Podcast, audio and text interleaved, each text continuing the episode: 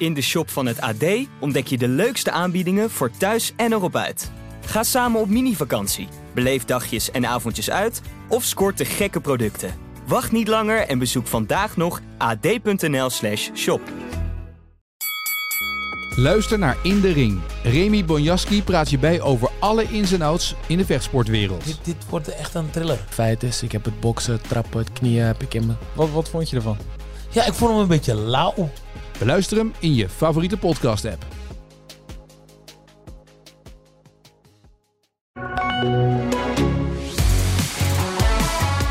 Will Smith zong het ooit al, Welcome to Miami. Het was een van zijn hits in eh, de jaren 90. Nou ja, dat was het ook wel een beetje, Welcome to Miami. Want de ene na de andere ster liet zich zien in Miami. De grootste ster van Miami uit het Formule 1-circus was Max Verstappen. Die na een training op zaterdag die mislukt was, de, de kwalificatie, de derde kwalificatie, uiteindelijk in de race van plek 9 naar plek 1 reed. En daarmee iedereen achter zich liet. Over die Grand Prix gaan we praten met onze man in Miami. En dat is Marijn Abbehuis. Mijn naam is Etienne Verhoef en dit is Pitstop, de AD Formule 1 podcast die er normaal elke zondag is. Vandaag op maandag, want ja, een klein tijdsverschilletje en een avondrace doen soms wonderen. Uh, Marijn, Miami. Uh, wat heeft Miami jou geleerd? Uh, dat uh, Max Verstappen de allergrootste is van dit moment, van dit decennium, van dit tijdperk en uh, misschien wel aller tijden. Ja, is het zo? Dat is wel heel erg iconisch wat je nu zegt. Ja, maar ja, dat is wel waar hij waar die naartoe aan het bouwen is. Ik bedoel, hij, hij is zo onwaarschijnlijk goed. Zo onwaarschijnlijk goed. Um, heeft hij hier laten zien. Um, en ja, je, je, kunt je niet voorstellen dat er binnen nu in een paar jaar iemand hem structureel gaat verslaan. Um, dus ja, dat is, en, dat is uh, mijn gevoel nu. En waarom, waarom zeg je, waarom vind je hem zo onwaarschijnlijk goed? Wat maakt hem dan zo onwaarschijnlijk goed in deze race? Nou ja, kijk, het is natuurlijk de week nadat hij een, uh, nadat hij een tegenvallend weekend heeft gehad. Um, um, het is uh, zaterdag die ja, op een vervelende manier voor hem verloopt. Hij maakt een heel klein foutje. Nou, dat, dat kan een keer gebeuren. Dan vindt hij zelf, is hij daar dan nog best wel zelf kritisch over. Um, hij moet vanaf P9 starten, vooral door, vooral door pech. En ja, dan, dan op dat moment, terwijl er best wel wat, ja, misschien wel druk op staat, dat is aan hem niet af te lezen, maar hè, de buitenwereld is aan het speculeren over een strijd tussen hem en Perez. Uh, op dat moment, ja, zo, zo foutloos zijn, dat is echt ongekend eigenlijk. Het was weer zijn call om met, op deze strategie uh, uh, te kiezen. Christian Horner zijn de afloop. Max was, um, ja, die was er duidelijk over dat hij dit wilde op deze manier. Uh, dus op, geel, op wit beginnen en dan naar geel over bedoel je dan, hè? Ja, ja, ja, ja precies. Want uh, eigenlijk als je gewoon kijkt naar, kijkt naar de simulaties, dan was het niet de snelste strategie, uh, strategie op voorhand. Nou ja, Verstappen die voelt aan dat het zomaar eens wel de beste strategie kan zijn. En dat blijkt dan vervolgens ook zo. Blijft in het begin super rustig, laat zich niet verleiden tot, ja, tot, tot potentiële botsingen met anderen. Um, elke, elke inhaalactie is perfect. Nou, die ene in ronde drie, waarin die uh, Magnussen en Leclerc tegelijkertijd inhaalt, dat geeft aan hoe ongelooflijk vernuftig hij is. Uh, dat hij echt een neusje heeft voor dat soort momenten en dan uh, ja, dat echt perfect uitvoert. En het meest bizarre is dat hij na 20 ronden, op het moment dat Perez zijn pitstop maakt, die 22 ronden die daarna volgen, rijdt hij dus op dezelfde band als Perez, alleen dan 20 ronden ouder. En hij rijdt even snel, soms zelfs sneller. En dat, ja, dat, dat, zegt, het, dat zegt het helemaal. Dat, dat, dat is niet te bevatten uh, hoe goed dat is. Als je dat dan zegt, hè, en ik, ik, ik, ik, hoor die verhalen ook aan over Verstappen, hoe goed hij is en wat daarin gebeurt en dat soort zaken allemaal. Uh, maar wat hij laat zien in deze race, wat hij zaterdag laat zien, daar zit toch ook wel weer, denk ik dan, een foutje in, toch? Want als je dan een, een, foutje maakt in je derde kwalificatie, ik zou dan gelijk weer doorgaan op die baan. Maar heeft het vertrouwen erin dat het in die laatste ja, minuut toch wel goed komt, in die laatste run. Maar kennelijk ja. is dat dus niet altijd zo. Dus je kan ook zeggen, ja, dat is wel een dingetje, dat had wel iets. Hè? Ja, kijk, hij zei ja, je bent dan een beetje afhankelijk van geluk en dan moet je niet te vaak zijn. En hij heeft natuurlijk nu wel vaak gehad al, dat op het moment dat hij dat was, dat hij dan meteen pech had. Um, maar ja, weet je wat het is? Het is enerzijds, anderzijds, hij weet ook dat hij hoe dan ook uh, iedereen op zondag in kan halen. Uh, dus het is niet eens zo'n groot risico voor hem.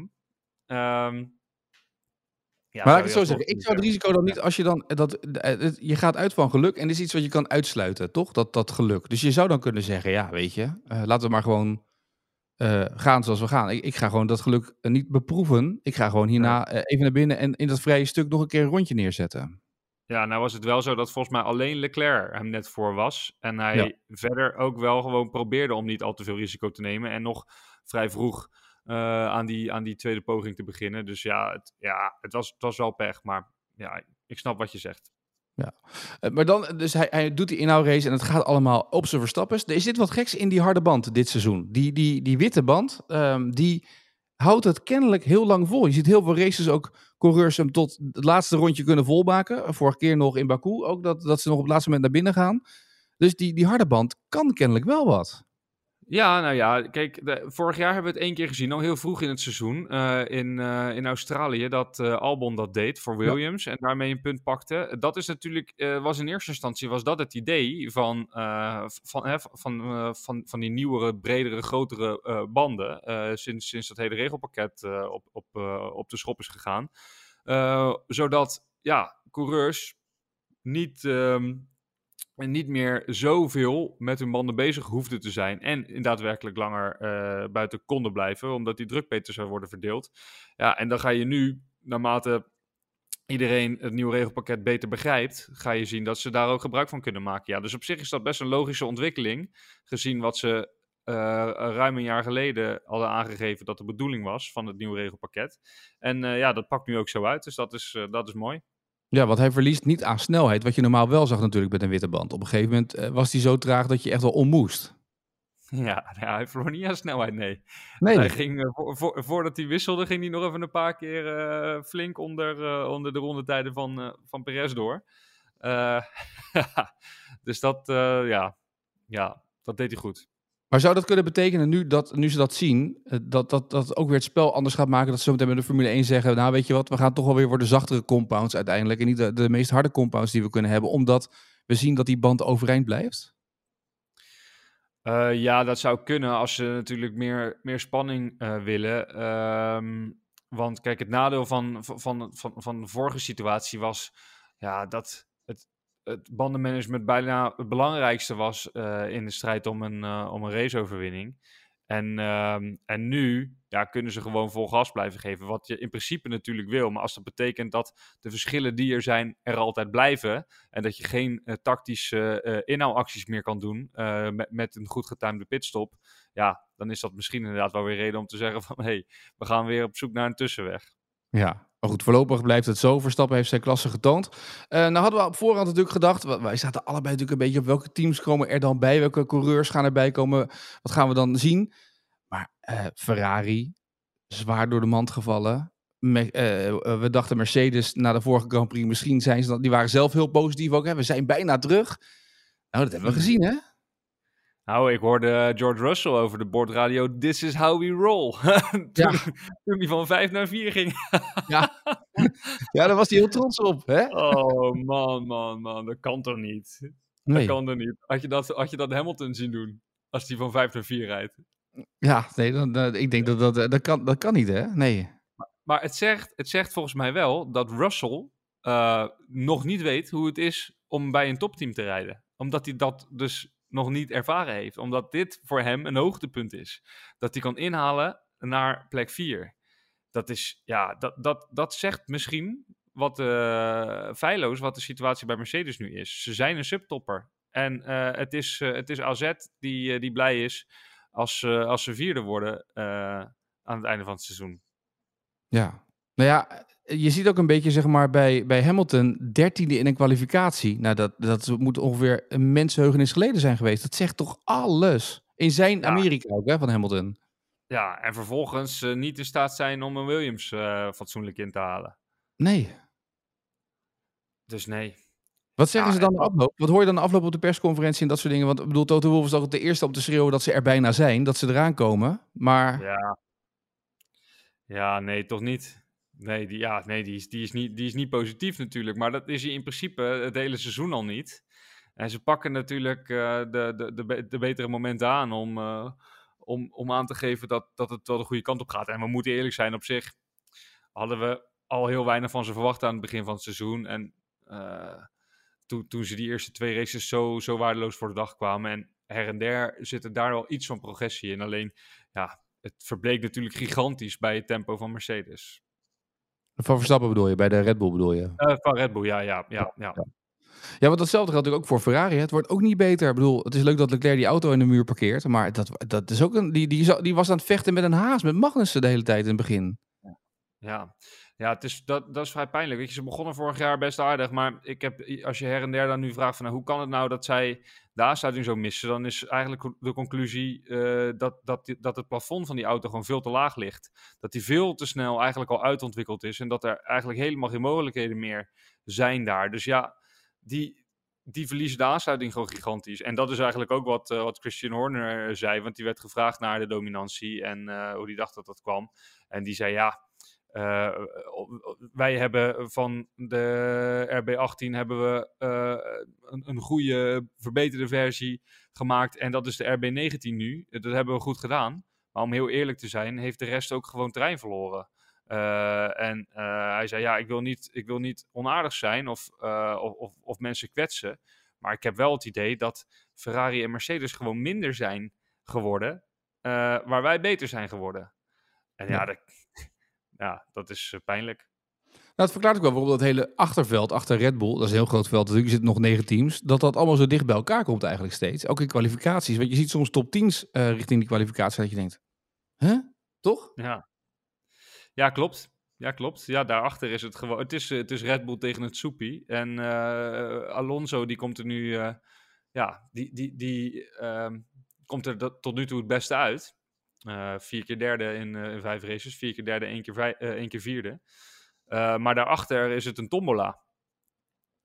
Ja. En, en kan zelfs Magnussen kan, kan ja, imponeren in, in zo'n race. En gewoon tot het einde meestrijden met die gasten. Ja. Dat is toch, ja. Dat, is, dat, dat, dat het zo dicht bij elkaar zit, is toch wat niemand van tevoren had verwacht. Dat wilden ze wel, maar Ja, alleen dan met alle teams. ja.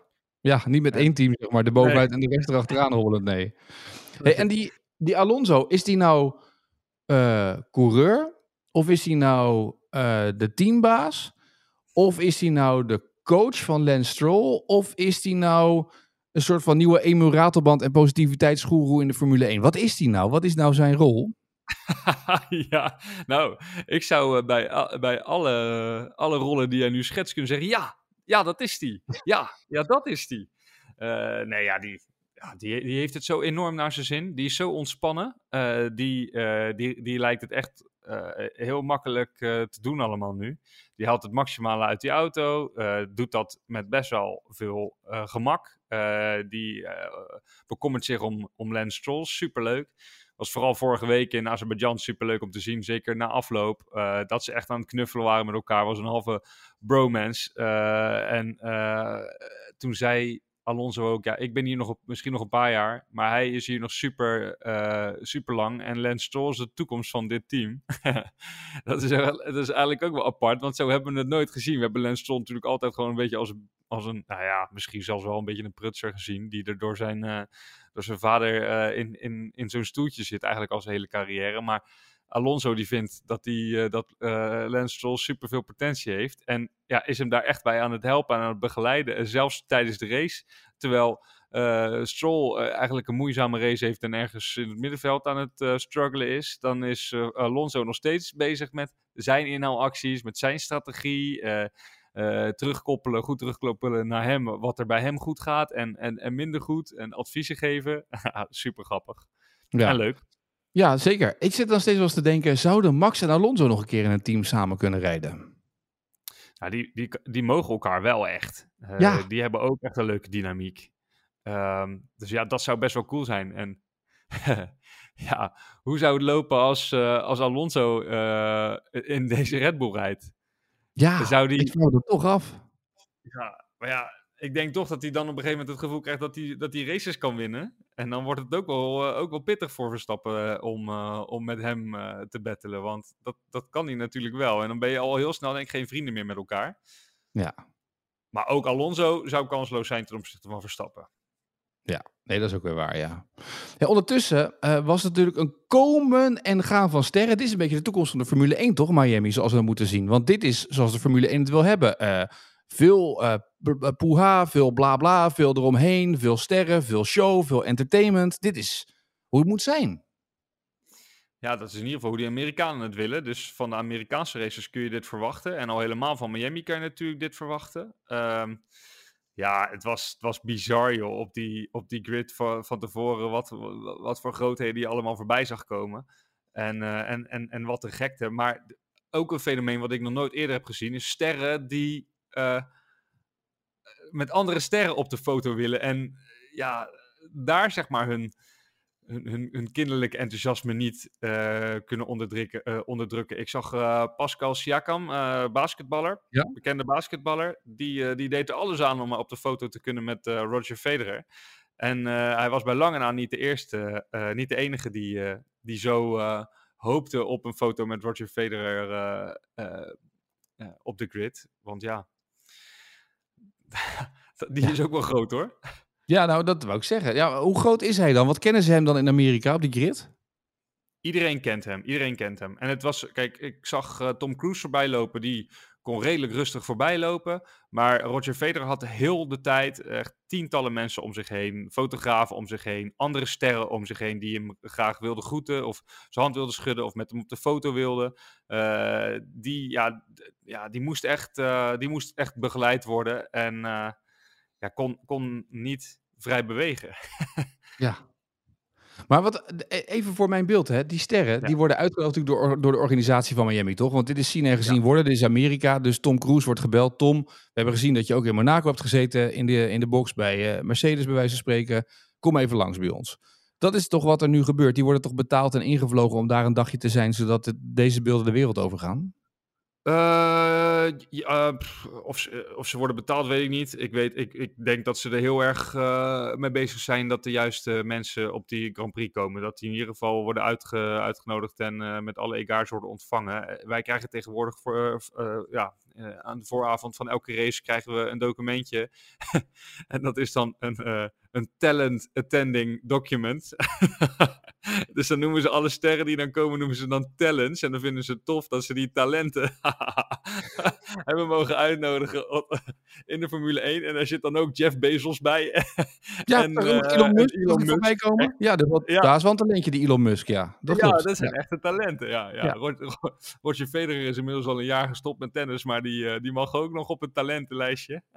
Ja, die ontwerpt tegenwoordig schoenen. Dus ja, dus, dat is zijn nieuwe talent natuurlijk, hè? Ja, zo is dat, zo is dat. Ja, en trouwens, eh, talent, daar, daar zit geen leeftijd aan vast. Je bent, eh, je bent je hele leven ben je talentvol. Zo Dus is het. Ik snap, dat is ik ook snap zo. het wel. Ik snap Ja. het wel. Maar dat is dus. eh, maar eh, moet je ook nog wel eens namen opzoeken dat je denkt welke grootheid staat hier nu voor mijn neus? Of eh, heb je dat ook nog of niet? Want ik denk dat ik soms ik zie mensen voorbij komen en denk, hè, waarom is die bekend? Ja, dat heb ik heel de tijd eigenlijk. ja, echt gisteren al helemaal, weet je. Dan zag je, zag je mensen voorbij lopen en dan merkte je dat ze beroemd waren, maar daar had ik geen idee.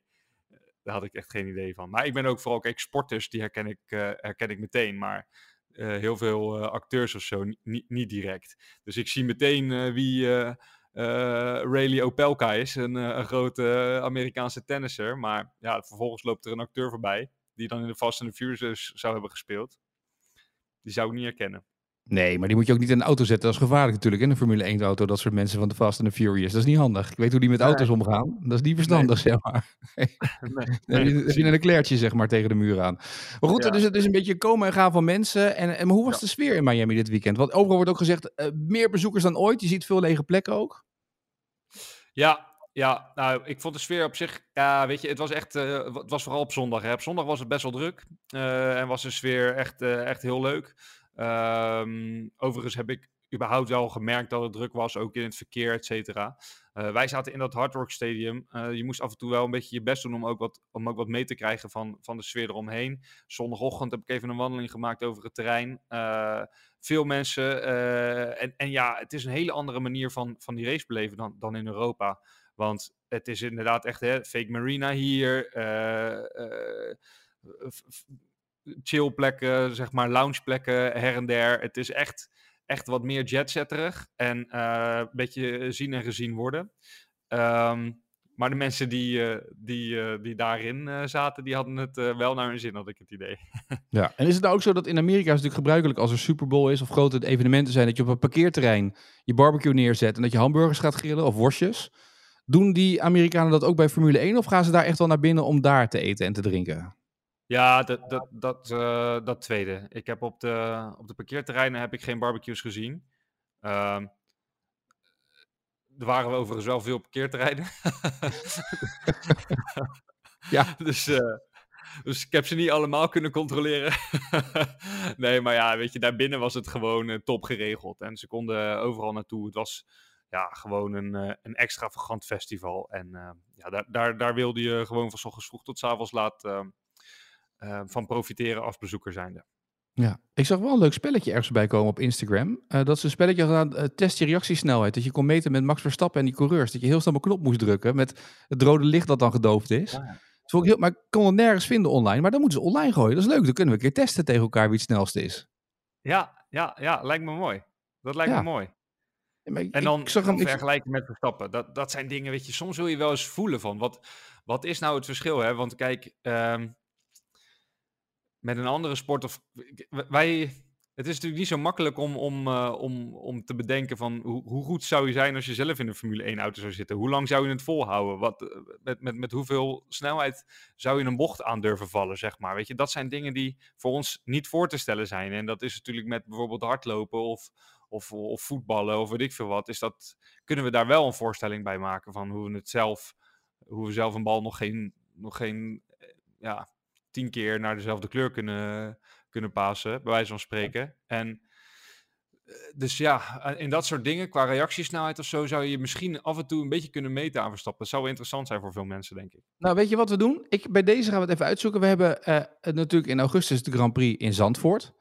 Ja, Eh, als wij nou eens die eh, zomerperiode ergens tussendoor benutten, dat wij met Tom of Tim Coronel of met een paar mensen uit die Formule 1 een serietje maken, dan wel video. Dat leg ik nu even neer. De chef luistert toch, dus die gaat nu budget bij elkaar schrapen om dit voor elkaar te krijgen. Maar dan gaan we samen de challenges aan richting eh, Zandvoort om te kijken of we dat kunnen meten op bepaalde zaken, toch? ja, lijkt me een heel goed idee. Lijkt me superleuk. Volgens mij kunnen we bij de TU Delft, daar kunnen ze tegenwoordig ook dartpijlen ontwikkelen die heel hard gaan. Dus ze kunnen ons ook wel vast wel helpen. Ik denk dat Tim en Tom ons kunnen helpen met allemaal trucjes om te zien wat er gebeurt. Laten we dat gewoon eens kijken wat we kunnen, toch? Ja, lijkt me een goed idee. Gaan we doen. Goed, dan hebben we eh, Amerika voor nu even gehad. Eh, dan hebben we de, de, het stratencircuit racen ook weer even gehad, toch? Want nu gaan we op naar weer echt een circuit. Ja, een normaal circuit, zoals Verstappen het altijd zegt. een klassiek circuit. Ook wel echt in een klassieke omgeving natuurlijk, Imola. Ja. Ja, ja mooi, mooi. Vorig jaar een prachtige race gezien daar met veel regen eh, het hele weekend. Eh, Verstappen die daar het momentum heeft gepakt. Nou, dat momentum heeft hij nooit meer weggegeven. Ehm, dus ehm, ja, verwa- ik verwacht vooral weer heel veel van hem. Ja, en eh, even schakelen toch ook voor die coureurs, dat je ineens weer van een stratencircuit ineens weer naar een echt circuit moet, of niet? Ehm, ja, ja, Valt dat mee? wel. Ja, het zal wel meevallen, toch? Ik bedoel, ze kennen die circuits inmiddels allemaal zo Ja, goed. En ze, zitten, ze hebben nu twee weken de tijd. Ze zullen veel op de simulator zitten. Ehm, ik denk dat dit voor bijvoorbeeld Nick de Vries veel minder eh, wennen is dan elke keer weer zo'n stratencircuit die, waar hij zich nog niet echt goed op heeft kunnen voorbereiden. Imola zal voor hem eh, eh, juist heel prettig zijn om, om, om te komen. Nou, dan kunnen we daar wel weer een beetje een verwachting neerleggen, toch? Want het, ik hoorde eh, zaterdag alleen maar een soort van positieve kreten. En hij heeft Q2 gehaald, dus dat was dan eh, heel mooi. Maar op zondag reed hij dan weer tegen iemand aan, wat ook weer niet heel praktisch is natuurlijk, waardoor je race een beetje naar de galamiezen is. Nee, ik kreeg weer een sneer van Norris. Die, eh, die vond het eh, volledig eh, de fout van Nick de Vries. Eh, dus nee, dat gaat even niet zo lekker, nee. Nee, nee, goed. Dan moet eh, Nick de Vries de komende twee weken maar over nadenken wat hij daarmee gaat doen. Nog één dingetje wilde ik eh, met je doornemen. Eh, dit racen, zeg maar, eh, zoals we nu dit weekend hebben gehad. Ik zag Olaf Mol op Twitter een, een poll plaatsen en had hij aan zijn volgers gevraagd. Dat zijn er maar een paar natuurlijk. Ehm, dit was cynisch overigens, voordat mensen nu allemaal boze mailtjes gaan sturen naar de redactie in ingezonden brieven. Maar ehm, de meeste mensen, en hij zei toen ook, ja, de meeste mensen vinden een klassiek weekend, het is zaterdag kwalificatie, zondag race. Dat is eigenlijk een raceweekend. En dacht ik, ja, we hebben het er vorige ook over gehad hè, met zo'n sprintweekend. eh, dat het continu actie is en Verstappen is er tegen. Ehm, En aan de andere kant denk ik, moeten we nou... Er zit nog een beetje, ik hing nu een beetje op twee gedachten, ook door die mening van Molder. Ik denk, er zit ook wel weer wat in. Op zondag die race, dat is het hoogtepunt van het weekend. Die zaterdag is eigenlijk zeg maar de, de show voorafgaand aan de race van zondag eigenlijk. En nu is het een soort van dubbele show die, die het een beetje dreigt te worden. Ja, maar ik denk dat heel veel nieuwe fans, en, en daar zijn er een hoop van, eh, daar heel blij mee zijn. Want ja, weet je, als Olaf Mol dat polt, dan is dat voornamelijk bij, eh, bij Verstappen-fans. En eh, eh, dan, Ja. dan, dan krijg je denk ik toch een ander beeld dan, eh, dan, dan het beeld dat Dominicali heeft. Want die heeft ook gezegd eh, dat, wat zei die nou? Dat eh, een derde van de huidige Formule 1-fans was vier jaar geleden nog geen fan. En, en 40% is vrouw of zo. Dat was, eh, had hij gezegd over, over de huidige fanscharen van, van de sport. En ja, dat, dat zegt gigantisch veel over hoeveel, hoeveel er daarin verandert. En ja, die hebben een hele andere behoefte. Die, die hebben zin in actie. En eh, ja, elke sessie mag ergens over gaan. Dus ehm, daar zie je toch ook wel gewoon een verandering in. En zeker hier in Amerika, waar natuurlijk een gigantische nieuwe markt is aangeboord. Maar ook eh, ja, in Australië bijvoorbeeld, waar je ook een hele jonge, hippe eh, eh, groep mensen eh, fan Ja. is van de Formule 1. Dus ja, het is, het, is, het is denk ik goed dat er een paar keer per jaar zo'n sprintrace weekend is. En ook goed dat het eh, overgrote gedeelte gewoon klassiek blijft. Het wordt natuurlijk pas eh, gestaafd als er echt kijkcijfers bij komen wereldwijd, waarin we kunnen zien wat het verschil is. Of die zaterdag daardoor beter bekeken wordt en die zondag ook nog dan. Nou ja, die kijkcijfers heb ik gekregen. eh, en dat wa- waren echt gigantische verschillen. Eh Azerbeidzjan ten opzichte van vorig jaar gewoon 30 tot 50 procent meer kijkers ehm, per dag. Ja, nou ja, dan is dat het gelijk van de Formule 1 hè. Ja, zo is dat.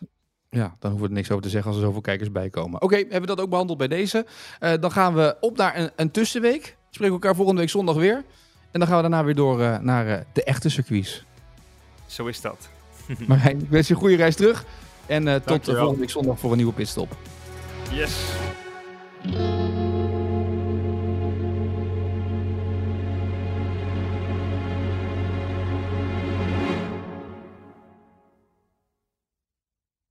In de shop van het AD ontdek je de leukste aanbiedingen voor thuis en erop uit.